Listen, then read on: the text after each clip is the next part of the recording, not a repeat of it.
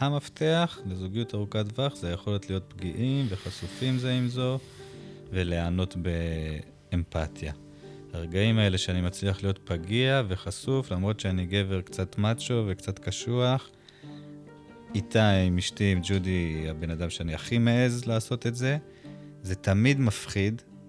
אם זה לא מפחיד, זה לא פגיע. Mm-hmm, כן, אני אגיד את זה עוד פעם, כי זה לא כזה ברור, אבל אם אני פגיע, היא עלולה לפגוע בי, יש שם פחד. ככל שעושים את זה יותר, יודעים להתגבר על הפחד יותר בקלות, אבל זה עדיין מפחיד אותי גם אחרי 18 שנה, ואין ספור פעמים שהייתי פגיע והיא הייתה בשבילי, זה עדיין יהיה לי מפחיד. וברגעים כאלה שאני מעז להתגבר על הבושה, להתגבר על הפחד ולהגיד לה מה אני מרגיש, מה אני רוצה, מה אני צריך, ממה אני מפחד, מה אני חולם, ווטאבר הבקיאות היא באותו רגע, וואו, זה רגע של להתאהב מחדש.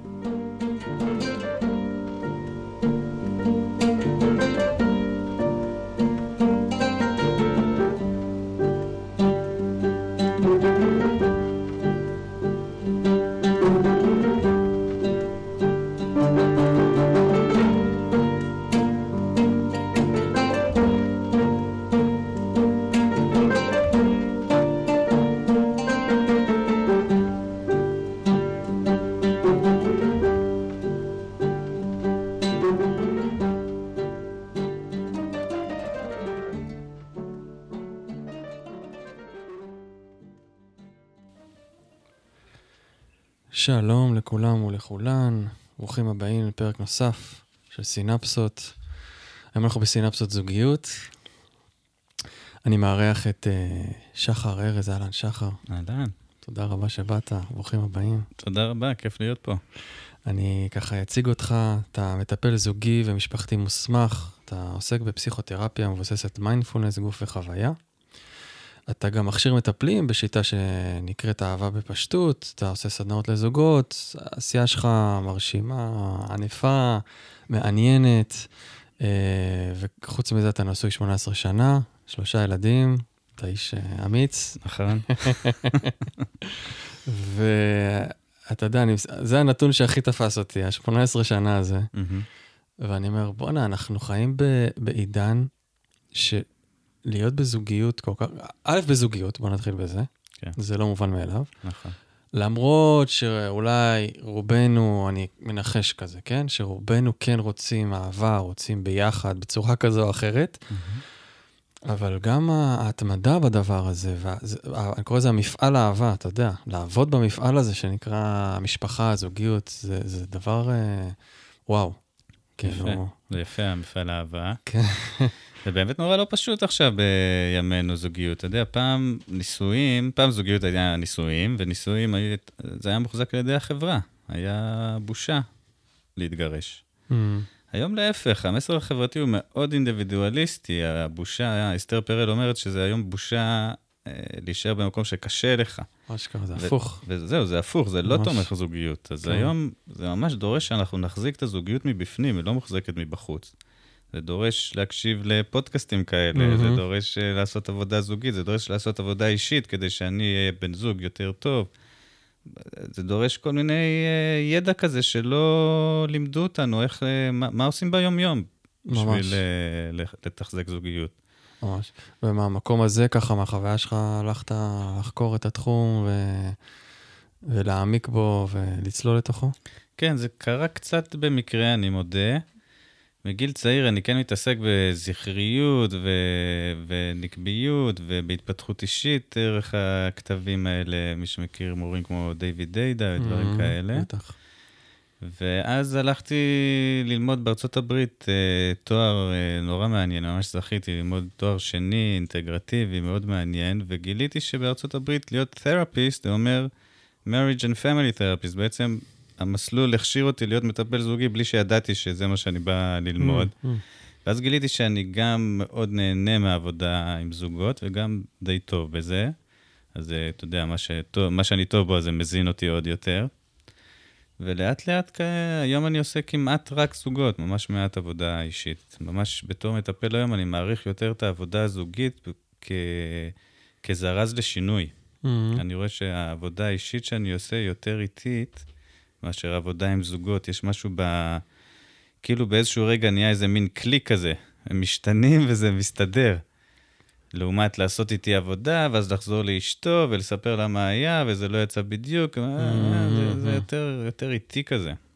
אתה אומר, יש בזה משהו שאולי אה, הופך ליותר אפקטיבי, יותר אה, כן. מחבר כבר. אם יש זוג, אז מן הסתם העבודה היא בזוג.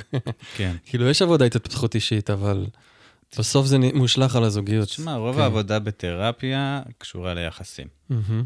אפילו אם זה יחסים עם הבוס, כי אפילו אם זה העבודה, זה הרבה פעמים היחסים בתוך העבודה, היחסים עם הלקוחות, היחסים עם הבוס, היחסים עם העובדים. ותכלס רוב מה שאנשים מדברים זה על יחסים עם הבני זוג, עם הילדים, עם ההורים, שם יש הרבה אתגרים. אז, אה, ובעיניי הקשר הכי מרכזי אצל מבוגרים הוא הקשר הזוגי.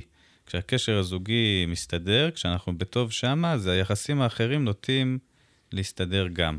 מהמם. אני, כמטופל, אני, אה, עברנו טיפול זוגי משמעותי לפני כמה שנים, וראיתי איך זה מסדר לי את היחסים עם אח שלי, עם חברים שלי, עם וואלה. מקומות אחרים, לא רק איתה, עם, עם אשתי. וואו, זה ממש מדויק, כי, כי אתה כל כך קרוב למישהו, כל כך הרבה ביום-יום שלך. זאת אומרת, אם איתו זה לא מסתדר, אז, אז אתה יודע, זה יושלך החוצה, על, אני ממש, ממש מבין. זהו, יש לזה כן. כל מיני היבטים. גם זה שבעצם אה, למדנו יחסים מההורים שלנו, כן? גם מהקשר שלנו עם ההורים שלנו וגם מהקשר שלהם אחד עם השני. זה הבית ספר הראשון ליחסים. כל מה שקורה אחרי זה מבוסס על הדפוסים האלה. דפוסי התקשרות הם הדפוסים הכי עמוקים, הכי לא משתנים, מהמם. אלא אם כן אנחנו עושים עבודה מודעת בשביל לשנות אותם. זה דפוסים שעוברים מדור לדור. אז גם יש את ההיבט הזה שאחרי זה אני משחזר את זה עם אשתי ומשחזר את זה עם, עם חברים שלי. וגם זה מאוד מעניין לראות שיש הרבה מחקרים על זה שזוגיות זה הדבר שהכי משפיע על ה-well-being. אנשים בזוגיות טובה חיים יותר שנים, המערכת החיסונית שלהם יותר חזקה, והם אפילו מרוויחים 30% יותר כסף מאנשים שלא בזוגיות. אנשים ממש. בזוגיות לא טובה, מהמם. הפוך, הפוך. כן. אני לא יודע את המידע על הכסף, אבל הם מתים יותר מוקדם, הם פחות בריאים, זה מאוד פוגע ב-well-being. וואו.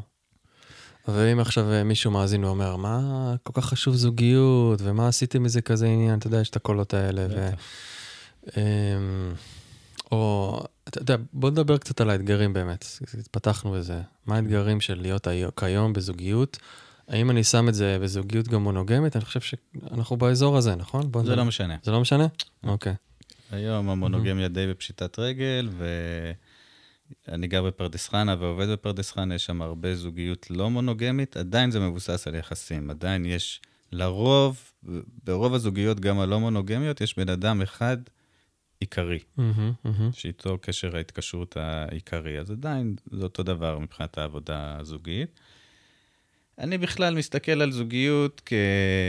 כמערכת, ובמערכת הזאת יש דינמיקה, וזה פחות משנה על מה רבים. זוגות נוטים לריב על, אה, על ניהול זמן, על סדר וניקיון, על חינוך של הילדים, על, אה, על מיניות. אז הם יכולים גם לריב על דברים של פוליאמוריה ויחסים אחרים, אבל זה, זה בעיניי רק התחפושת. מתחת לזה יש איזושהי דינמיקה. בטיפול זוגי איתי אנחנו מנסים להבין את הדינמיקה הזאת. איך מנגנון ההגנה, אני, אני אשתמש רגע בשפה הטרו-נורמטיבית כזאת, אז איך מנגנון ההגנה העיקרי שלו לוחץ על הרגישות העיקרית שלה, ואז היא מתגוננת, וזה לוחץ, ו- ואיך שהיא מתגוננת לוחץ על הרגישות שלו, ומהר מאוד, זה שני מנגנוני הגנה שעושים כאילו, כאילו הם מנהלים דיאלוג, אבל זה לא מה שהם טובים בו, הם טובים בלהגן, הם לא טובים בלהבין את העמדה של האחר, זה לא באמת דיאלוג. מהמם. אז אנחנו רוצים רגע בטיפול הזוגי להבין, לשרטט את הדינמיקה הזאת. איך, אה, אני אתן עוד פעם דוגמאות כאלה, ש, שזה יהיה קצת יותר מוחשי, איך אה, הנטייה שלו אה, להסתגר כשקשה לו, לוחצת על חרדת הנטישה שלה, ואיך כשהיא מרגישה נטושה והיא לא בקשר בזה, היא מתנהגת את זה, במקום להגיד את זה, אז זה יוצא לה בביקורת, בהאשמה, בכעס, ואז הוא מרגיש לא מספיק טוב, אז הוא עוד יותר מתרחק, אז היא עוד יותר רודפת, אז הוא עוד יותר מתרחק. לגמרי. כן, זה. מוכר. מוכר, כן. סופר מוכר, די כן. טרגי. נתתי פה דוגמה אחת, זה לא חייב להיות ככה, זה יכול להיות הפוך, זה נכון גם בזוגיות חד-מינית ובכל האופנים והצבעים שיש בימינו, וטוב שזה מקבל יותר חופש. מה שאנחנו רוצים לעשות בטיפול זה להבין על מה זה לוחץ. הרגישויות האלה קשורות לחוויה לא מיטיבה מהילדות, חוויה מיטיבה, חוויה לא מיטיבה מתמשכת, חוויה חסרה מתמשכת. כי ההורים הכי טובים הם רק הורים טובים דיים. מהמם. איפה שהם לא היו טובים דיים, כי הם בעצמם לא קיבלו את זה מההורים שלהם, ואז הם מעבירים לנו בירישה איזה מקום שאנחנו מרגישים לא ראויים. כן. וסביב זה נוצר לנו פצע, וסביב זה מערכת אמונות עלינו ועל היחסים עם האחר ועם, ה... ועם העולם. ואיפה אנחנו פוגשים את זה? בזוגיות, זה המקום שמפגיש אותנו עם זה. ברגע טוב, בת הזוג שלנו יודעת לתת לנו את החוויה החסרה הזאת באופן אינטואיטיבי, בזה התאהבנו, זה חלק ממה שהתאהבנו בו. שהיא- שאיתה הרגשנו יותר שלמים, יותר אה, חופשיים, יותר שמקבלים אותנו. ברגע לא טוב, היא שוב משחזרת לנו את הפצע הזה, היא לוחצת לנו על החוויה החסרה הזאת. ההבדל בין רגע טוב ללא טוב זה משאבים. מהמם. אם אני עייף, אם אני רעב, אם uh, המזג אוויר לא טוב, אז, אז יהיה לי יותר קשה להאכיל את העולם ולהאכיל את אשתי. אם אני מלא ו, ו, וישנתי טוב ואכלתי טוב ואולי התאמנתי ועשיתי מדיטציה והשמש uh, מאירה אליי, אז אני רואה אותה יותר בטוב. אז אנחנו רגע רוצים בטיפול הזוגי להבין את הרגישות הזאת, ויותר עמוק מזה, מתחת לרגישות הזאת יש איזושהי כמיהה. יש איזשהו צורך עמוק, איזושהי משאלת לב עמוקה כזאת. אנחנו רוצים ללמוד לזהות את הצורך הזה, וגם איך אני יכול לתת את זה לבת הזוג שלי, וגם איך אני יכול לתת את זה לעצמי, כי היא לא אימא שלי, וזה לא טוב שאני אצפה שהיא תמלא את הצרכים שלי. זה טוב שהיא תמלא את הצרכים שלי, כי זה מאוד נדיב, וזה, וזה יוצר דינמיקה חיובית של נדיבות, אבל לא מתוך ציפייה. לא בטוח שהסברתי את זה מספיק טוב, את כן, ההבדל כן. הזה. אני אגיד את זה רגע בשפה שלי, ואז נחדד את זה עוד יותר. בעצם מה שאתה אומר, כאילו, אני, תמיד כשאני פוגש אה, זוגות ואני מנסה להסביר להם את מה שאמרת, את זה בשפה שלי, אז אני אומר, בעצם, אה, אה, אימא של, שלך או שלך, לא משנה, יוצאת לדייט עם, עם אבא שלך בעצם. ואולי מה... ברגעים קשים, כן, ואולי ממש. מאחוריהם יש את, ה, את הדודה ואת הסבתא וזה, ובעצם אתם לא באמת בדייט הזה, כן? נכון. וזה קורה גם בתוך הקשר, נכון? אנחנו בעצם מביאים את ה... את ה אתה יודע, אנחנו יכולים ממש לרמה שלפעמים, אלחנד דוכדובסקי קרא לזה דיבוק, ממש אתה, האנססטור משתלט עליך, הוא הופך להיות אתה, ואתה נכון. כאילו מגיב לדבר הזה. ומה שאמרת, זה גם הפצעי ילדות שלי בעצם, נכון? שעברו אליי בדור, נכון. ואני חושב שזה הדבר שכאילו הכי חשוב להבין לזוגיות, את הדבר הזה, באמת, כי הרבה אנשים, אני עכשיו לוקח על העולם הרווקות, הם הולכים לפגוש אה, אה, גברים, נשים, והם, והם אה, חושבים שהמטרה של זוגיות זה לקבל משהו, להתאהב, שיהיה טוב, וש, ש, ש, זה נכון, אבל, כן, אה, בתכלס המטרה, ואני ראיתי שאתה כותב על זה הרבה ומדבר על זה, זה הריפוי. מהמם. זאת המטרה הרוחנית, אם אה, אפשר להגיד, או הרגשית היותר עמוקה, וזה, ובשביל שזה יקרה, כן, ואני אשמח שתדבר על זה יותר, זה בעצם תת-מודע פוגש תת-מודע ואומר, היי, לך יש את המנגנון הזה שילחץ עליי, ולי יש את המנגנון שילחץ עליך, בוא ניפגש. ממש, ממש. כן? אז זה לא כאילו רק אני אוהב אותך כי את יפה וזה וזה, להפך, יש לך משהו שעלול ללחוץ עליי, ממש. ובגלל זה אני בא ל- למפגש הזה. נכון. ופה אנשים, נכון, התחלנו באתגר הזה, ואני חושב שפה, ברגע שזה קופץ עד המשבר הזה, אנשים, הרבה אנשים מאוד נבהלים והולכים הלאה, הולכים לחפש זוגיות אחרת, לא, איתו זה יותר קל וזה, ובעצם משחזרים את, ה, את הלחיצות ממש. במקומות אחרים, נכון? ממש. אוקיי. כאילו הטבע עשה משהו מאוד חכם, ויצר מין תקופה כזאת של התאהבות, שבתקופה של ההתאהבות אנחנו מופצצים בהורמונים, ואנחנו רואים Mhm. בעיקר את הטוב כן. באחרת. כן, אני התאהבתי בכמה שאשתי כזאת רגישה ורגשנית וצבעונית, ומביאה לי המון uh, צבע לעולם. ברגע לא טוב, הפוך, זה אה, מתהפך. וואי, החופרת, כאילו, תני רגע שקט. כן. היא התאהבה בשקט שאני מביא, בביטחון שהשקט הזה נתן לה. ברגע לא טוב זה משעמם לה, ואני לא? נוכח, ויאללה, כאילו, בוא נתקשר. כן, זה ממש, אה, זאת אומרת, שתי צדדים של המטבע, ממש. בדיוק, אותה תכונה. יוצרת גם משיכה ברגע טוב וגם קונפליקט ברגע לא טוב. כן. ובתקופה של ההתאהבות אנחנו, אין כל כך רגעים לא טובים. רוב הרגעים הם טובים ומזינים ווואו. אבל אז עוברים שלושה חודשים עד שנה וחצי, משהו כזה, רובנו זה בסביבות חצי שנה, וההורמונים האלה קצת mm-hmm, שוכחים כזה, mm-hmm. ומתחילה מערכת היחסים האמיתית. כן. רואים תמונה יותר רחבה, ומתחילים ללחוץ אחד לשני על הפצעים, ואין ברירה אלא לעשות עבודה. זה לא יחזיק מעמד אחרת בימינו, ממש. אנחנו נסבול ביחד, וכשסובלים בזוגיות, סובלים בחיים. זה ממש... העולם נראה אפור.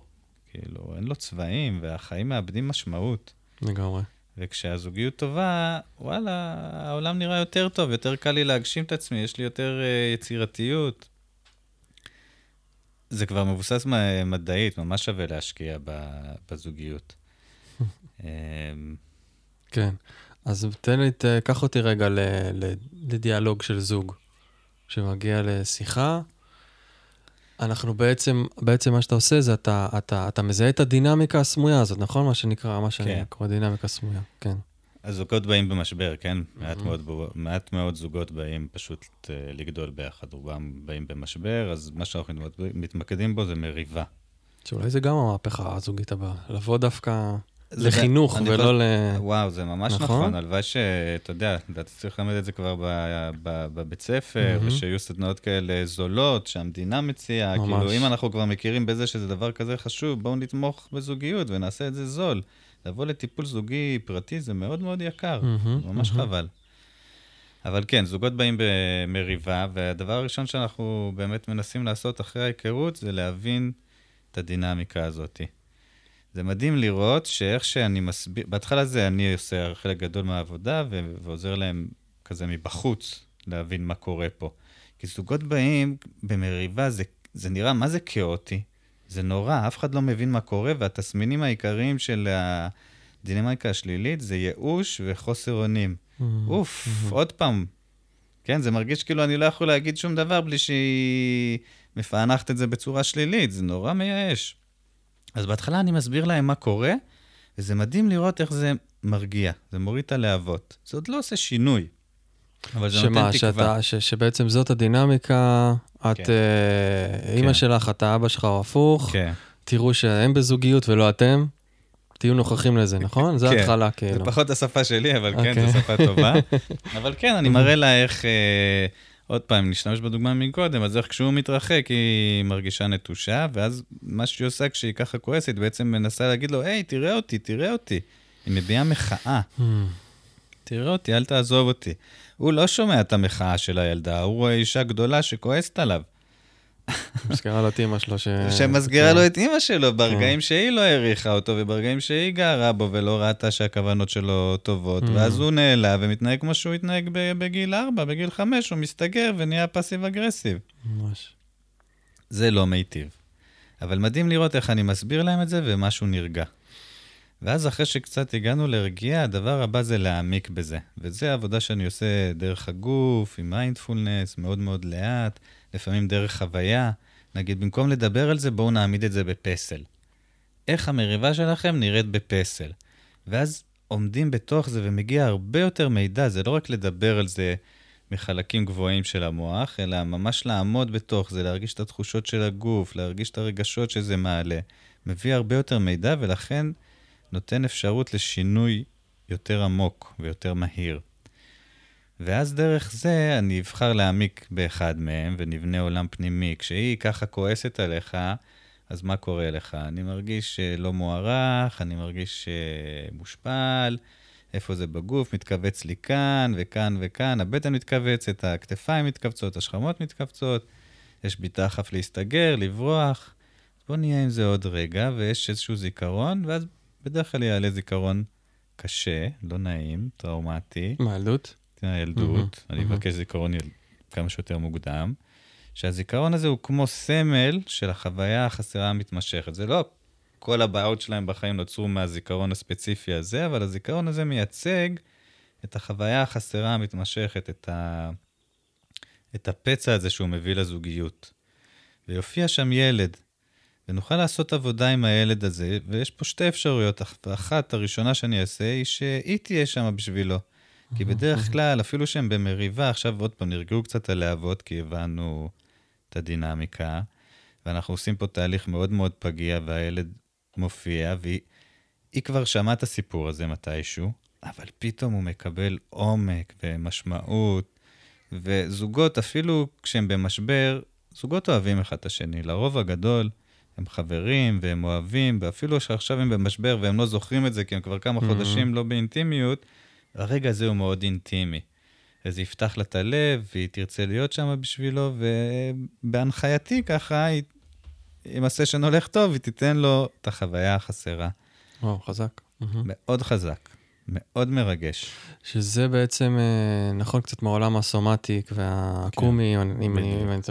ובעצם באחד על אחד, כאילו המטפל אה, בעצם מעניק את החוויה החסרה, ופה בעצם הבן או הבת זוג נותנים. בדיוק, הבנת ממש. זה ממש מהעולם כן. של הקומי, זה ממש שפה של הקומי, מה שתיארתי עכשיו, ובסשן טוב היא תיתן לו את החוויה החסרה, וזה יהיה מאוד מחזק, וזה ממש יוציא אותם מהמשבר, והם ייזכרו מחדש. למה הם עושים את זה ואיזה חברים טובים הם, וזה מאוד יבנה אמון. זה מפתח אינטימיות. אה, מאוד עמוקה, וגם, לא סתם. וגם דיברנו קצת קודם על העניין הזה של הפגיעות, וה... כן. כאילו, להיות פגיעים אחד מול השני, שזה בעצם, זה ה... אה, זאת אומרת, אולי המתכון ל-long lasting relationship, כאילו, לאורך, נכון? זה ממש מה שאני חושב. Mm-hmm. אני חושב שזוגיות זה דבר מורכב ויש הרבה מפתחות חשובים, אבל המפתח לזוגיות ארוכת טווח זה היכולת להיות פגיעים וחשופים זה עם זו, ולהיענות באמפתיה. הרגעים האלה שאני מצליח להיות פגיע וחשוף, למרות שאני גבר קצת מאצ'ו וקצת קשוח, איתה, עם אשתי, עם ג'ודי, הבן אדם שאני הכי מעז לעשות את זה, זה תמיד מפחיד, אם זה לא מפחיד, זה לא פגיע. Mm-hmm, כן, mm-hmm. אני אגיד את זה עוד פעם, כי זה לא כזה ברור, אבל אם אני פגיע, היא עלולה לפגוע בי, יש שם פחד. ככל שעושים את זה יותר, יודעים להתגבר על הפחד יותר בקלות, אבל זה עדיין מפחיד אותי גם אחרי 18 שנה, ואין ספור פעמים שהייתי פגיע והיא הייתה בשבילי, זה עדיין יהיה לי מפחיד. וברגעים כאלה שאני מעז להתגבר על הבושה, להתגבר על הפחד ולהגיד לה מה אני מרגיש, מה אני רוצה, מה אני צריך, ממה אני מפחד, מה אני חולם, וואטאבר הבקיאות היא באותו רגע, ובהנחה שהיא באמת נענית טוב, ברוב הגדול זה מה שקורה, זה לא מושלם, שום דבר באנושיות לא קורה 100% מהפעמים, אבל לרוב היא תענה טוב, שטוב זה אומר אמפתי, וואו, זה רגע של להתאהב מחדש. ואתה מוצא שגם הרגע הזה, הוא מפתח uh, גם תשוקתיות? לא בהכרח. אוקיי. Okay. כי, כי אני יודע שכאילו אינטימית יכולה להוריד טיפה תשוקה, נכון. אבל אני חושב על זוגיות, uh, כמו שלך נגיד 18 שנה, וזה, אתה יודע, זוגיות של הרבה שנים, מה, מה, מה מחזיק את התשוקה שם בין היתר? זה, זה גם אינטימיות, לא? זאת אומרת, זה היכולת... בדיוק, כן, גם וגם. Okay. אני אוקיי. חושב שסקס טוב, צריך גם אה, איזשהו מתח מיני שמגיע דווקא ממובחנות, עוד לא דיברנו על זה, תכף נדבר על מובחנות, וגם לב. אני לא חושב שסק, שסקס בלי לב הוא סקס טוב, זה, זה חיכוך איברים. וסקס טוב הוא הרבה מעבר לחיכוך איברים, יש בו אינטימיות עמוקה, ויש פה איזו זרימה מאוד עמוקה. אז זה גם איזושהי יכולת להיות מובחן. מה זה מובחן? זה, זה להצליח להיות אני עצמי, נאמן לעצמי, למרות ה... הלחץ של הסביבה ושל בת הזוג שנהיה מותאם אליה. Mm-hmm. זאת אומרת, דיברנו קודם על דפוסי כשרות, שזה אומר להכיר בפצעים שלי ושל בת הזוג שלי, כן. בשביל בכלל לראות מאיפה אנחנו כן. תקשרים אחד עם השנייה, לקבל את זה, להכיל את זה. Um, אני תמיד אומר גם, אתה יודע, במקום הזה, לפעמים צריך אחד ש... שטיפה מצליח לצאת מהזה, כי אם ש... שנינו בזה, אין, אין מצב, כאילו. בדיוק. אחד שטיפה יוצא מה... מהדפוס, נכון. אפשר איכשהו זה. נכון, מריבה כן. זה רגעים כאלה שאנחנו בני חמש, שנינו ילדים קטנים, ו... ולא הילד התמים, הטהור, הילד הפצוע, האסטרטגי. שלמד התנהגויות לא מיטיבות כאלה. ואם אחד מאיתנו מצליח, מצליח להיות בבוגר שלו, בבוגרת שלה, זה כבר ישתנה. זה יכול לקרות גם אחר כך, זאת אומרת, אחרי הריב, פתאום אני כזה, אתה יודע, לפעמים זה בא אחר כך, יום אחר כך אתה צריך לישון על זה, לפחות אצלי זה ככה. אני קם ואני אומר, וואו, תקשיבי, אני הייתי בבלקאוט. שואלים אותי לפעמים אה, איך לריב נכון. אני אומר, אי אפשר לריב נכון, צריך לדעת לעצור מריבה. לעצור, לגמרי, לנשום, ללכת. לפני שהיא נהיית גרועה מדי. ואם אנחנו כבר במריבה ומאוד לא מבוסתים, אנחנו צריכים מאסטרים צריכים 20 דקות בשביל להירגע. רובנו צריכים יותר, לפחות שעה, לפעמים לילה. Mm, אז איך עוצרים מריבה? אומרים לה, וואו, אני רוצה לדבר איתך על זה, אבל אני מוצף מדי, אני לא מצליח לדבר כמו בן אדם, אני לא מצליח לבטא את עצמי כמו שצריך, אני חייב לדאוג לעצמי רגע. אני אחזור ואדבר איתך על זה. אם מצליחים לעשות את זה, זה וואו, אה? כן. כאילו, רק להגיד את הדבר הזה. אפילו להגיד את זה זה קשה. ולפעמים אני מלמד זוגות לעשות איזה סימן של טיים-אאוט כזה, כמו בכדורסל. שהוא מסמן את כל מה שאמרתי עכשיו, מחליטים על זה מראש, כי מעולה. באמת כשאני מוצף, אני חושב שהכל באשמתה ואני צודק. כן, זה... ה mind כאילו צורח, הוא צורח. זה ממש. הגוף, הגוף כולו בסטרס, זה כמו, אתה יודע, זה flight or fight, זה ממש... אה, ממש, כן. אתה יודע, אני עובד לפעמים עם גיבורי ישראל, אנשים מהשייטת, מכל מיני יחידות מובחרות שעשו דברים, מה זה מסוכנים, ואז האישה שלהם מרימה את הגבה, וזה מדהים לראות למה הם נכנסים, כאילו זה הרבה יותר. מסוכן להם ממחבל עם אה, וואי, זה נשק. מדויק. זה, זה ממש מלמד איך, ה, איך, ה, איך הסאבקונט שלנו עובד, אתה יודע, זה, זה הנמר שלך, כאילו. זה הנמר, אתה ממש. יכול להיות בפעולה מבצעית, חס ושלום, אבל זה הנמר שלך, שהאישה מרימה את הגבה. ממש. זה- נושמת, איזה... מה אתה נושם כל כך הרבה? נשימה לא במקום הנחיר הלא נכון, ונגמר היום שלך. ממש, נכון. וואו, וואו. אז, אז גם חשוב uh, להבין שככה זה, ולהביא קצת הומור, זה חלק מהטרגיות של כן, האנושיות, כן. וזה יכול גם לנחם. כאילו, גם הזוגות הכי טובים, יש להם דינמיקה שלילית, היא לא לגמרי עוברת, דיברנו מקודם על ריפוי. המילה הזאת, ריפוי בפסיכולוגיה, היא מילה קצת גדולה מדי. מהמם. פצעי הליבה, הליבה שלנו לא עוברים. כן. הם, אה, הם נהיים פחות אינטנסיביים. מתגמשים אולי, הם. מתרככים. עדיין, עדיין כן. כשהיא תעשה משהו שיחווה לי כביקורתי, ואני יש לי פצע עם ערך, עדיין זה יפעיל אותי. מהמם. ביום טוב, ואחרי 20 ומשהו שנות עבודה, זה יפעיל אותי, ואני אצליח לנשום ולהגיד לעצמי כל מיני דברים שמרגיעים אותי, ולא להתנהג את הפגיעה שלי. כן. כן, או שאני אגיד לה אאוץ', או שאני אביא הומור, או שאני אגיד לעצמי, אה, זה לא, אתה שמעת ביקורת, אבל לא הייתה פה ביקורת. אבל עדיין תהיה לי את הרגישות לביקורת. כן. ההבדל הוא באיך שאני אגיב לרגישות הזאת. זה חשוב להבין שבגלל זה הדינמיקה לא תעבור לעולם. כן. היא תתקצר, זאת אומרת, נדע לצאת מהמריבה יותר מהר, נדע לחזור ממנה יותר מהר. שזה ההבדל בין, בין אה, חיים של סבל לחיים סבבה. נכון? כאילו, ממש, ה- ה- לקצר את הטווחים. אתה יודע, יש זוגות אה, גם ש- שאני מכיר ככה שבאים לייעוץ, אתה יודע, שבוע במריבה, שבועיים. ש... זאת אומרת, ההתמכרות לדרמות, שאולי זה נושא בפני עצמו ל- לעוד פרק, אני לא יודע, כן. אבל אתה יודע, התמכרות לדרמות וכן הלאה בזוגית, כי אתה רוצה לעורר משהו ואתה לא יודע איך לעשות את זה בצורה מטיבה, אתה, כן? וזה סוג של התמכרות כבר מסוימת, גם קשור לדפוסי התקשרות אה, וכן הלאה. ואתה רואה, את, הב- אתה אמרת את המילה ייאוש, וזה ממש, אה, כאילו, ראיתי בעיני אה, ראשי, כאילו, אתה יודע, כן.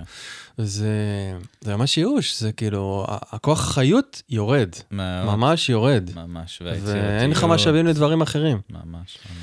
אמ, אז כן, אז אמרנו, אתה יודע, ברגע הפיצוץ הזה, אז break, כאילו, לקחת הפסקה, פסק זמן, לחזור, לנשום, לעבד, כן. אה, ואז כן, ואז מה... כן, כן להשתדל לתקן באותו יום, אבל מהמם. אם כבר 12 בלילה, לא, לא לעבד את המריבה אל תוך הלילה, ללכת כן. לישון ולדבר על זה מחר. אבל יותר מ-24 שעות במריבה זה ממש סבל, כן. ממש חבל. ממש כדאי ללמוד גם לקצר אם את יש זה. ילדים, אז הם סובלים מזה. נכון. כן. ואם אתם כאלה, לכו לטיפול, בבקשה, אני מתחנן. אם אתם לא יודעים איך לעצור מריבה בפחות מ-24 שעות, אתם צריכים עזרה. וטיפול זוגי זה טיפול הכי יעיל שיש, יותר יעיל מטיפול אישי, למרות כל מה ש... כל, כל הזמן מגיעים אליי זוגות שאומרים לי עד כמה זה לא יעיל, ועד כמה הם לא מאמינים, וכמה הם שמעו. מהבני זוג שלהם שזה לא פועל. המחקר מאוד ברור בזה. 80 אחוז הצלחה וואלה, בטיפול זוגי, וואו. לעומת רק 66 אחוז הצלחה בטיפול אישי. מעניין. לא ממש. מעניין המוניטין הגרוע שיש לטיפול הזה. כן, כן, כן. אז תלכו, תמצאו מטפל טוב, תשאלו את החברים שלכם, אבל טיפול זה, זוגי זה ההשקעה הכי טובה שאתם יכולים לעשות בחיים שלכם. ואולי להגיד שזה לא בושה, ושזה היום, אתה יודע, כאילו, אנחנו צריכים את הכלים האלה, אנחנו צריכים תמיכה. כן. זה, זה, אנחנו חיים ב, ב, בעידן, וחיים לוחצים מכל הכיוונים, ומי שבוחר גם ללכת בנתיב של ילדים ומשפחה בכלל, וואו, אתה. יודע, כבר, כבר קיבלת אוסקר, כאילו... לגמרי, לגמרי. אבל- החברה שלנו כן. לא תומכת, שלושה ילדים בימינו זה טירוף, כאילו, זה. זה, זה כל כך לא מובן מאליו. גם הציפיות שלנו מאוד גבוהות מעצמנו, גם כבני זוג וגם כהורים, וגם אנחנו רוצים את החינוך הכי טוב לילדים, זה כבר לא, זה הרבה פחות פשוט מפעם. Mm. גם יש לנו הרבה פחות תמיכה, הרבה פחות משפחה קרובה וחמולה קרובה. גם, מאתגר. גם ה... זה עוד נושא שמרתק, מרתק אותי, שאני גם אשמח בהמשך לתת לו מקום משלו, זה, זה המעמד הגבר שהשתנה בעידן שלנו. אתה יודע, כן, שנינו נכון. יושבים פה גברים של העידן החדש, נכון. אנחנו רוצים להיות אה, נוכחים, אנחנו רוצים להיות אה, הורים, אה, אבות אה, מטיבים, כן. ולהיות קרייריסטים עדיין, ואתה יודע, הקטע הביולוגי לא, לא, לא הלך לשום מקום. ממש. אנחנו עדיין נכון, צריכים להיות הציידים, נכון. אבל מצד שני, אנחנו גם רוצים להיות אה, אבות טובים, שאתה יודע, קורא לזה ה- הרחם הגברית, כן? אה, שזה מוסיף עוד, מצד אחד, דברים מדהימים לחיים שלנו ושל הילדים שלנו, מצד שני גם מתחים מסוג חדש שלא היו קודם. נכון, נכון, אז, יש אה, לזה כל מיני היבטים. נגיד אה, ברנה בראון, שהיא אחת Mm. החוקרות שהכי מדברות על כן, בושה ועל מעולה. פגיעות. היא מספרת על איזשהו, היא מספרת על האתגר של להיות גבר בעידן הזה, שהאישה שלך רוצה שתהיה יותר נוכח ויותר פגיע ויותר מביע רגשות, אבל אז כשאתה נראה לה חלש, הלך עליך? היא לא מעריכה את זה. אז ממש. איך אתה פגיע ואיך אתה מביא פגיעות ומסוגלות. האמת שבוא נדבר על זה רגע, זה ממש וואו, מפתח כן, חשוב. כי אוקיי. דיברתי קודם על זה שהמפתח הוא להביא פגיעות, אבל המפתח הוא להביא פגיעות ומסוגלות. לא פגיעות שמצפה מהאחר או מהאחרת לדאוג לנו, אלא פגיעות שאומרת, אה, לא יודע מה, כשאת מתנהגת ככה, אז עולה בי פחד שתנטשי אותי, אבל אני יודע שאני אסתדר. Mm, אני רוצה שתדעי את זה שעולה בי פחד, כי את חברה שלי ואת הבת ברית שלי במסע הזה, וחשוב לי לשתף אותך, אבל זה לא שאני מצפה שתצילי אותי עכשיו. כי הציפייה הזאת היא מרחיקה, זה תמיד מאכזבת. כן, והיא גם מאכזבת, מהמם. אבל להצליח לה- להביא את הפגיעות הזאת, את החשיפה הזאת, ועדיין להישאר במרכז שלי, לא ליפול עליה, זה סקסי. Mm, וואו. דיברנו, התחלנו. לדבר מקודם. זה גם לגבר וגם לאישה? כאילו, אני לא מדבר על... אה, בגדול, כן. כן. בקטן יש הבדלים קטנים, כן. אה, כי בחברה, אתה יודע, אני שואל את עצמי האם, האם גדלנו משם, בכלל זה נכון לגדול משם, כאילו, בקטע של אישה היא יותר אה, רק, יש גם נשים מאוד אסרטיביות וזה, אני מדבר בהכללה, מדבר על הביולוגיה יותר מאשר עכשיו על הזה. זה אבל, גם אה, ביולוגי וגם תרבותי, כן. שגבר הוא יותר קשוח ואישה יותר רכה, ולמזלנו זה משתנה בימינו, אבל מהמם. נשים פחות מתביישות בלהביע חולשה, זה יותר מקובל חברתית, שאישה יכולה להיות חלשה וזה לא יעורר בושה, וגבר יהיה חלש וזה יותר יעורר בושה. אנחנו מדברים בהכללות, אבל כן. ההכללות האלה יש בהן אמת, כן. אפילו אם זה נכון רק ל-70% מהאנשים. Mm, אבל בגדול, גם, גם גברים, יהיה להם קשה עם אישה יותר מדי נידית. אז אם היא יכולה להביא פגיעות ולהישאר במרכז שלה, זה מלא עוצמה וזה ממש סקסי. אני ממש... אה, אנשים. מעריכים את זה, Mm. בשני המגדרים. וזה משהו שצריך כאילו להתאמן עליו. המגדרים. כן, להתאמן עליו. נכון, אה, נכון, לא... זה... זה עדין ומפותח, הדברים שאנחנו מדברים עליהם עכשיו הם די מתקדמים, לא בטוח כן, שזה כן. ברור לכולם. אבל כן, איך כאילו להישאר במרכז שלי, לפתוח את הלב ולפתוח את הבטן ולהרגיש את העמוד שדרה תוך כדי. השפה שלי מאוד סומטית, היא מאוד uh, גופנית. מהמם. אז מבחינה גופנית זה חזה רך, לב רך, בטן רכה, אבל עמוד שדרה uh, חזק וגמיש, ורגליים בקרקע וזקיפות בראש. אתה מאוד... זה לא כזה. מובן מאליו, כן, כן. המנח הזה שתיארתי עכשיו. לא, איך שאמרת את זה, אני פתאום קלטתי שאני צריך לנשום נשימה עמוקה. כן. את- אתה מוצא את, ה... את הלינקים הסומטיים האלה כמזרזי תהליך, כמעצימי תהליך, זאת אומרת, בזמן, אם אני חוזר לאותו ריב, כן. האם זה ייתן לי כלים באותו ריב להרגיש את ה... מה שאמרת עכשיו? כן. אוקיי. כי זה יוצר כמו עוגן. יש לנו עוגנים סומטיים ויש עוגנים כאלה יותר סמליים, דמיוניים. אני מאוד, השפה שלי, שטובה לי, היא סומטית, אבל יש אנשים שדווקא הדברים הסמליים, הדמיוניים יותר מדברים עליהם, ואנחנו בטיפול רוצים לפגוש את המקומות האלה. טיפול סומטי מאפשר לנו כזה לפגוש מריבה, אני, אה, אה, אה, מצב העוררות יעלה למריבה, אבל לא מריבה גדולה מדי. מריבה גדולה מדי, אני רק אהיה עסוק בלווסת אותם חזרה. מהמם. אבל מערכת העצבים נכנסת קצת ל-fight or flight, לא יותר מדי, אבל קצת, ואז אנחנו מחפשים אסטרטגיות שיפעלו יותר טוב, כי הבני חמש שאנחנו מביאים מהבית שלנו פועלים באסטרטגיות לא מיטיבות, לא מגייסות. אני כמה להערכה, אבל אני מתנהג כמו קורבן. Mm-hmm. לא, ו- ומסתגר ופאסיב אגרסיב. זה לא יביא הערכה. אני כמה לקשר ולאינטימיות, אבל אני כועס עליה ומבקר אותה. זה לא יביא קשר ואינטימיות. אז בואו ביחד נחפש אסטרטגיות יותר יעילות, יותר מגייסות. הן בדרך כלל קשורות בלהיות פגיע וחשוף, אבל במרכז שלי, מסוגל. ואז יש כל מיני אסטרטגיות קטנות שפועלות לי ופועלות לה, וצריך למצוא את הספציפיות של הזוג הזה, והפצעים שלו, והרגישויות שלו, והמסוגלות שלו, ומה שיפעל להם, ולזה צריך עזרה, זה מאוד קשה לעשות לבד. כן. פתאום אני חושב שאתה יודע, אם יש רגע אינטימי כזה, שאני מרגיש את ה... ממש באופן סומטי, את הבת זוג שלי, אני מבין אותה יותר טוב. נכון. זאת אומרת, המערכת עצבים שלי, שמכירה את, את עצמי, את, את, את עצמה, באופן לעיתים נרקסיסטי, כי אין לה ברירה, אתה יודע, אה, כי זה הישרדות וכן הלאה, אתה יודע, אה, בילדות. פתאום להרגיש מערכת סומטית אחרת עד כמה שניתן, זה פתאום כזה, וואו, אתה יודע, יש, יש הבלחות לפעמים שאני מרגיש אה, את הכאב של, של אשתי. זה בא בהבלחות, נכון. כי את בכאב שלך. וזה זה לא בזמן ריב, אף פעם לא. כאילו, זה תמיד אחרי, זה בא פתאום שאני בכלל לא איתה, ווואו, כאילו, מציף אותי איזה, איזה כאב שהוא לא שלי. כן. ואני אומר, אוקיי, כאילו, קרה פה משהו, אתה יודע, כן. זה, הוא סומטי באמת. נכון. זה עכשיו אני חושב על זה. אז האמת היא שאנחנו כל הזמן מהדהדים. האיברים הפנימיים שלנו כל הזמן מהדהדים אחד על השני. אחד את כן. השני, בייחוד את, את הקשר הרומנטי האינטימי שלנו. זה קורה לנו עם כל בני אדם, אבל בייחוד כשאנחנו באינטימיות. ויש מחקרים נורא מעניינים של ה-Heart Math Institute, של אה, לקחו, ש- הם מודדים את הלב, אז ללב יש תדר שאפשר למדוד כמה מרחק, אנחנו ממש משפיעים אחד על השני, והם יודעים להגיד כמה מטרים, אני לא זוכר כבר, נדמה לי 30 מטר, לא זוכר בדיוק. או נגיד לקחו אה, תא לב אחד, הוא דופק בצורה לא סדירה. שמים לידו, אבל לא צמוד, עוד תא לב, והם. שניהם מתחילים לדפוק בצורה כמו סדירה. שעונים, כמו כן. שעונים. זה, זה זה ממש אנחנו. מווסתים אחד את השני. ממש מהדהדים ומווסתים. אז אנחנו כל הזמן מרגישים זה את זו, זה בצורה לא מודעת, וזה טוב לה, להביא לשם מודעות, כי אז יש לנו יותר בחירה. המודעות עוזרת לעשות דברים פחות אוטומטיים ועם יותר בחירה. כן, ולרוב זה יותר מיטיב. מדהים. אני קודם התחלת לדבר על מובחנות, קטעתי אותך, הלכנו כן. למסע, כן. חזרה להתקשרות, כן. ובואו נדבר באמת על העניין הזה של, בסופו של דבר, אולי זה מתחבר למסוגלות שאמרת. בדיוק. זה אני אינדיבידואל בעולם שלי, סבבה, אני בקשר, אבל, אבל אני לא בסימביוזה. בדיוק, ממש ככה. סימביוזה זה תמיד אה, מתכון להרס ולך נכון, בלב. נכון, אוקיי. זה לא בר קיימא, זה לא מחזיק.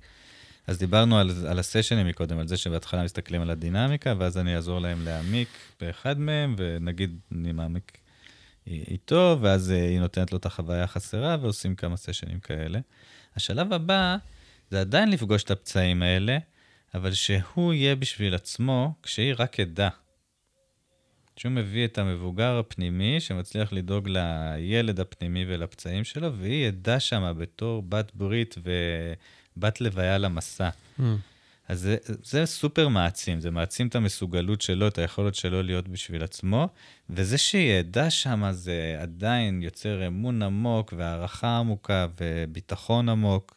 זה טיפול, אפילו שזה כאילו טיפול אישי, אני עושה את זה איתו והיא רק עדה, זה עדיין יהיה. סופר משמעותי. אז זה מה זה, זה איזשהו רגע שלו, שהוא בתובנה על, ה, על עצמו, על איזשהו מקום עדיין אפשר- עצמאי בתוכו? אפשר עדיין לקחת איזושהי מריבה או משהו, אוקיי. איזשהו טריגר שקרה, ועוד פעם לבנות את ה... כשהיא הייתה ככה ביקורתית אליך, מה קרה, והגוף והרגש וכל זה, כמו שעשינו מקודם, אבל הפעם, במקום שהיא תביא לו את החוויה החסרה, הוא נביא מוביל אותו, לעצמו. את אה, המבוגר אוקיי. שהוא, הוא מוביל את לעצמו. היכולות שלו, וזה מאוד מעצים.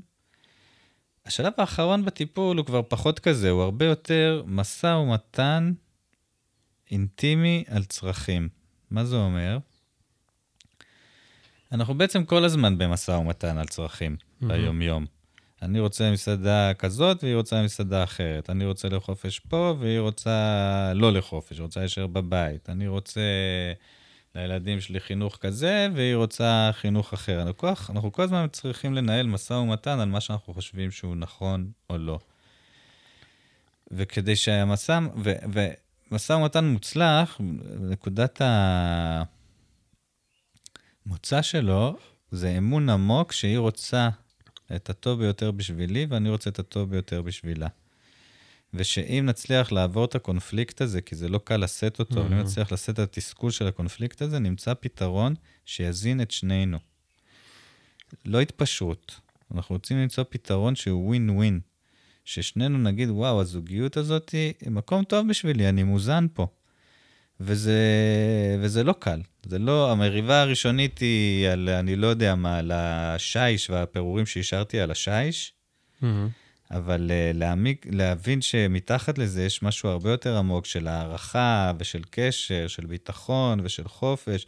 זה לוקח זמן כזה להעמיק בתוכנו ולהבין מה קורה ו- ול- ולתאר את כל ההיבטים וכל הצרכים, עד שאנחנו מוצאים אסטרטגיה ש- שטובה לשנינו, ש- שהיא נדיבה בעצם. שאני לא עושה אותה כי אני חושב שאשתי שתלטנית, אלא אני עושה אותה כי אני קולט את הרגישות שלה, ואני רוצה שהיא תרגיש יותר טוב. כן, שזה בעצם הצורך שלה הופך לרצון שלך. כן, מין, כן. אני אתן לך דוגמה טיפשית. היינו רבים פעם על, הניק... על הסדר בסלון. מהמם. ואז איזה יום אני הבנתי, היא שיתפה אותי בפגיעות, שכשהיא קמה בבוקר והסלון מבולגן, היא קמה נאחס. זה עושה לה כאב ראש, זה מתחיל לה את היום לא טוב, זה צובע לה את היום לא טוב. פתאום הבנתי שכשהיא אומרת לי לסדר אחריי ואני מרגיש שהיא שתלטנית, זה לא כי היא שתלטנית, זה כי זה באמת, יש לה שם איזה רגישות. אני, כשאני בטוב, אני רוצה שהיא תהיה, שיהיה לה טוב. מהמם. אז פתאום ל- ל- לעצור בסוף הערב ולקחת עשר דקות ולסדר את הסלון, אני מרגיש מלך. זה לא לא כזה פראייר. יושב עליך, כן. זה מנדיבות. זה, מהמם. זו אותה פעולה, אבל הפעם אני מרגיש נדיב וג'נטלמן ואכפתי, לעומת להרגיש פראייר שאשתו אומרת לו מה לעשות והוא סמרטוט. ממש בול. זה פשוט להפ- להפוך את הפרספקטיבה ומי מי לק... מי לקבל או לקחת, ל... לתת, להיות נדיב, לראות את האחר באמת. כן, ו- אבל זה לא בא מהראש, זה בא מזה שהבנתי משהו עמוק על הצורך שלה שם. הבנתי את ההבדל בינינו. אני קם בבוקר והבית לא מסודר, זה לא עניין בשבילי. אני. מסדר אותו, כאילו, זה לא עושה לי כזה כאב ראש. לה יש איזושהי רגישות חושית ספציפית לדבר הזה. החוויה שלה הרבה יותר קשה. אה, אוקיי, אני מבין את הרגישות שלה, בא לי שיהיה לה טוב. רוב הזוגות הם ככה, כשהם לא במשבר, הם רוצים שיהיה טוב. כן, אחד לשני, וזה דורש להבין, זה לוקח שנים, זה דורש להבין את הרגישויות ואת ההבדלים, ולהכיר בזה שהאחר הוא אחר. אתה יודע, זה, זה, זה מה זה עמוק? ממש, יש לנו הטיה במוח, אנחנו חושבים שהאחר הוא כמונו. לגמרי. ש... ו... ודברים שעושים לי טוב, אני אתן גם לאחר, אבל זה פספוס. מה שעושה לי טוב לא בהכרח עושה לה טוב. יש לה רגישויות אחרות, יש לה שפת אהבה אחרת, יש לה דברים אחרים שחשובים לה. להכיר בזה שהיא שונה, וזה מגניב. אפילו שלפעמים זה ממש מעצבן, מהמם. אבל בגדול זה מגניב שהיא אחרת, וזה טוב, ואני רוצה ממש לחגוג את זה שהיא אחרת, ולהבין איפה היא אחרת, ו- ולמה היא אחרת, ו- ואיך היא רואה את העולם אחרת. זה מעייף, לא כל הזמן אפשר לעשות את זה, כן? ברור. דיברנו על זה שאין מספיק משאבים בימינו בשביל uh, לחיות, אז לא תמיד יש לנו כוח, אבל ברגעים טובים, שאני מצליח לראות את השוני הזה, זאת מובחנות. ואז זה מאפשר לי גם לקבל השפעה. עוד זווית של מובחנות היא לא רק לעמוד בפני הלחץ של האחרת, שאני אהיה מותאם אליה ולהיות נאמן לעצמי. זה קשור גם, עמיתי מגד קורא לזה נורא יפה, אה, משהו כמו, סליחה עמיתי אם אני מזייף פה, אבל משהו כמו תפיסת עצמי משוקפת לעומת תפיסת עצמי איתנה. אני חושב שזה ממש חשוב. ככל שאני יותר מובחן, תפיסת העצמי שלי יותר איתנה, ולכן אני יכול יותר לקבל את ההשפעה שלה. בלי שזה יזיז אותך, יטלטל אותך וכן כן. ואז היא. יכולה לדבר עקום, וזה יצא לה קצת ביקורתי וקצת כועס, אבל אני כל כך נאמן בתוך עצמי, שאני יכול לשמוע מה היא אומרת ומה היא מבקשת. מדהים. לא רק להיתקע על זה שאת אמרת את זה עכשיו בביקורת, תגידי את זה בתקשורת מקרבת. מהמם. כאילו, בזוגיות ארוכת טווח זה בסדר גם להיות סלחן לאיך שהיא אומרת את זה, ולנסות לשמוע מה היא אומרת כשהיא מבקרת, ומה פה נכון. כן, לרוב יש משהו נכון. כן, מהמם. אפילו אם לא הכל, ולתת לזה תוקף ורגע להגיב לזה, לא להגיב רק לטון הדיבור ורק לביקורת. זה, זה קשור כבר במבחנות. כן, ווואו, זה... זה היכולת הזו שאתה... אני קורא לזה רגע לדפדף את הדבר הזה, ובאמת להישאר נאמן שם, ולא להגיב וואו, זה יום של ניצחון מבחינתי. ממש יום של וזה ניצחון. יכול להיות שנייה אחת שנזרק משהו לכיוונך, ואתה לא מגיב לזה, ואתה נשאר במובחנות שלך, ממש. וואו, אני, אני באמת, ומחיאות כפיים לעצמי. נכון, כאילו. בצדק, וזה טוב לחגוג את זה, כי אם תחגוג את זה, אז זה יקרה יותר. כי אחרי גם ככה אני ארגיש אשמה על משהו אחר שלא הצלחתי. אז נכון. כאילו אם הצלחת ברגע הזה, תן לעצמך מחיאות כפיים, תני נכון. לעצמך. נשמע שאנחנו דומים בזה. וזה באמת רגעים. כאילו, מובחנות, כן, זה סולם שאנחנו מטפסים בו, אבל אני מרגיש את זה בתור רגעי שיא של מובחנות כאלה, שאני ממש מצליח לשמוע אותה. וזה טוב לחגוג את זה ו- ו- ולשים לזה לב כדי שזה יקרה יותר. מה שאנחנו חוגגים, מוטמע עוד יותר. נותן לנו איזה דופמין רעש, רעש במוח ממש. כזה, ויש סיכוי יותר טוב שזה יקרה שוב. שזה זה בעצם, אתה יודע, זה- זה גם מעלה לי את המשפט של המורה שלי, אה, לזוגיות אורנה רייכר, שאומרת, הפצע של האחר הוא הריפוי שלך. אתה יודע, זה, זה הרגע הזה שאתה מסדר את הסלון, אני במקרה שלי, אני acknowledge my OCD כאילו פולי, אני על הניקיון והסדר, אני לא מבקש את זה מאף אחד, כי אני יודע שזה צורך שלי, שכל כך עמוק. אבל במקרה ואתה באמת רוצה שאחר ישתתף בזה, אז כשאתה עושה את הדבר הזה, את- אתה, אתה, אתה מקבל עוד, אה, אתה נקרא לקנות רצון, אתה יודע, בקבלה. אתה מקבל עוד כלי, שהופך להיות שלך, הוא לא היה שלך לפני זה. Mm. בזכותה, בזכות הרגישות שלה, אתה זוכה בעוד תכונה יפה.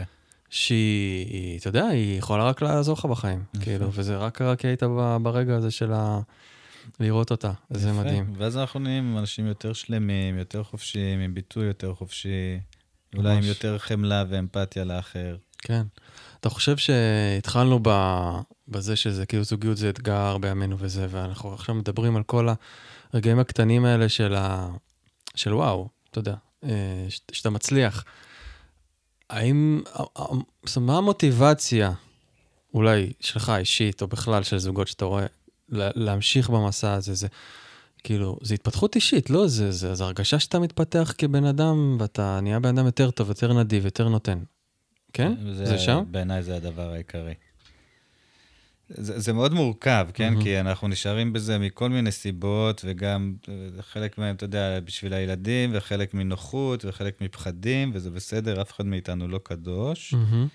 אבל uh, הסיבה העיקרית בעיניי להתמיד בזה היא, כן, כדי להתפתח, להפוך להיות בן אדם יותר שלם, יותר אמפתיה. אני, אני חושב שאני הייתי הרבה יותר יהיר פעם, ואני היום, הרבה בזכות הזוגיות והרבה בזכות ההורות, האמת היא, ההורות היא אתגר גדול בשבילי, אז זה הפך אותי, קראתי איזה, הייתי, זה, גרנו באמריקה איזה ש, שבע שנים, והבחור וואו. שלי נולד מהמם. באמריקה, והיה לי מאוד קשה בשנתיים הראשונות. ונהייתי ג'רק, נהייתי אידיוט כזה, לא נחמד, ובגלל שהיה לי קשה. וזה פתח לי הרבה יותר אה, חמלה לאנשים שמתנהגים ככה. וואלה, הבנתי שקשה להם. חוויתי, לא הבנתי מהראש, חוויתי איך אני Mhm. נהיה בן אדם לא נחמד כשקשה לי. אז הורות וזוגיות זה שני אזורים שבהם מתפתחים מאוד, וכן, זה קשור לחופש ולביטוי ולחמלה, ולהצליח אה, להרחיב את מעגלי החמלה שלנו ולהבין אנשים יותר. זאת המוטיבציה העיקרית שלי. בסופו של דבר זה עוזר לנו בעיניי להיות ב-well-being יותר גבוה. ואנחנו באמת, אה, הרבה מההתנהגויות הלא מיטיבות שלנו קשורות להישרדות, אבל דוגרי, אם נסתכל מסביב, אנחנו כבר לא גרים בסוואנה. חבל להתנהג ככה בלחיות חיים של הישרדות. עדיף לחיות חיים של שגשוג ושל well-being. כאילו, אנחנו באמת חיים בעידן יוצא דופן בהיסטוריה האנושית. בואו ננסה לנצל אותו, לא, לא במובן הנרקיסיסטי של אה, הנאה הדוניסטית כזאת, ש, שהיא אחלה, מותר גם ל- ליהנות, אבל למצוא דרכים אה, לחיות חיים יותר משמעותיים, כן, בהחלט. וזוגיות זה נראה לי הבית ספר הכי גדול אה, גם בעיניי. להתפתחות ומשמעות, ואז אתה מוסיף על זה הורות, אז בכלל, כן. זאת אומרת, זה, כן, אתה, כן. אתה חייב להתפתח, אם לא, אתה, כמו שאמרת, אתה בסבל נוראי, והסבל גם ככה חלק מהעניין, אז כן. לפחות, אתה יודע, איכשהו לעבד אותו, להטמיר אותו, לפרק אותו, לא יודע, זה כזה... כן, דיברנו כן. קצת על זה לפני זה, שפעם ההערה הייתה כזה משהו מנותק, של ללכת להיות Mm, נזיר mm. בהימאליה ולהתחבר ל- ל- לטרנסנדנט, למה כן. שמעבר. להתנתק ו- מהחיים, כן. כן, ובעיני שנינו, בימינו זה לא ככה, זה waking down, כן. זה להתעורר ולהיות חלק מהחיים, להיות יותר אנושי ויותר בקשר. כמו שרמדס פעם אמר, you think you're enlightened, go meet your parents, אתה חושב Mm. שאתה אה, זה הוא אמר לפגוש את? ההורים שלך, כן. אני חושב שהוא אמר את זה. כן. אז היום זה כאילו, בואו נראה איך אנחנו מצליחים גם להתרחב ולגדול ולהיות מחוברים ל... איך שלא נקרא לזה, המופלא, וגם דרך הקשר, דרך אה, בני אדם, פוגשים את זה. וזה לא קל, חתיכת אתגר, כן, אבל בעיניי אתגר מספק. לגמרי, ממש. אה, יש משהו באופק שאתה... יש איזה סדנה באופק, איזה משהו שקורה? וואו, יש מלא דברים, אני באמת מהמם. בתקופה עם המון המון דברים. אני לא יודע מתי תעלה את זה, אבל בשבוע הבא יש השתלמות למטפלים על התיאוריה הפוליווגלית Mm, בזוגיות. מהמם. דיברנו על ההיבט הסומטי ואיך מערכות העצבים ככה מהדהדות אחת לשנייה. ובמאי יש סדנה לזוגות, יומיים שהם באמצע טיפול זוגי אינטנסיבי, שמתאים גם לזוגות במשבר, שזה כמו ארבעה חודשים בקליניקה, וגם לזוגות שפשוט רוצים לגדול ביחד ולהיות עוד יותר טובים. מעולה. ויש הכשרה למטפלים שכבר נפתחה הרשמה, אפילו שהיא רק אחרי סוכות בשנה הבאה. יש מלא דברים, אפשר לחפש את השם שלי, לינק, להיכנס לאתר שלי. נשים לינק לאתר, ומי שרוצה לחקור עוד, לבדוק, ליצור קשר, וולקאם. ווואו, איזה, איזה כיף היה לדבר על הדברים האלה איתך. נדב, אני חושב אה. שזה אחד הרעיונות הכי עמוקים שעברתי אי פעם, ממש. איזה כיף. שאפו, וואו, תודה רבה, שאלת שאלות ממש עמוקות. זה, כן, זה בדמי, זה נושא, נושא טוב. מרגישים, זה חומר טוב. מרגישים. אתה יודע, אמ, אתה נותן אחלה מתנה לעולם. אתה יודע, דיברנו על זה שזוגיות היום צריך להשקיע בה. זה דרך. אמ, אמ, לא חייבים רק uh, לבוא לטיפול. המון ממה שאני עושה בטיפול זה פסיכו-חינוך, זה מלמד זוגות איך להיות יותר טובים, ודרך פודקאסט אפשר לחסוך שליש מהכסף, אז uh, ממש. ממש אה, תודה. חבר בין אנשים וידע, זה הדיבור שלי. אז אה, תודה רבה, ואנחנו נתראה בהמשך, אני מתאר לעצמי. מהמם, תודה רבה. תודה, שחר.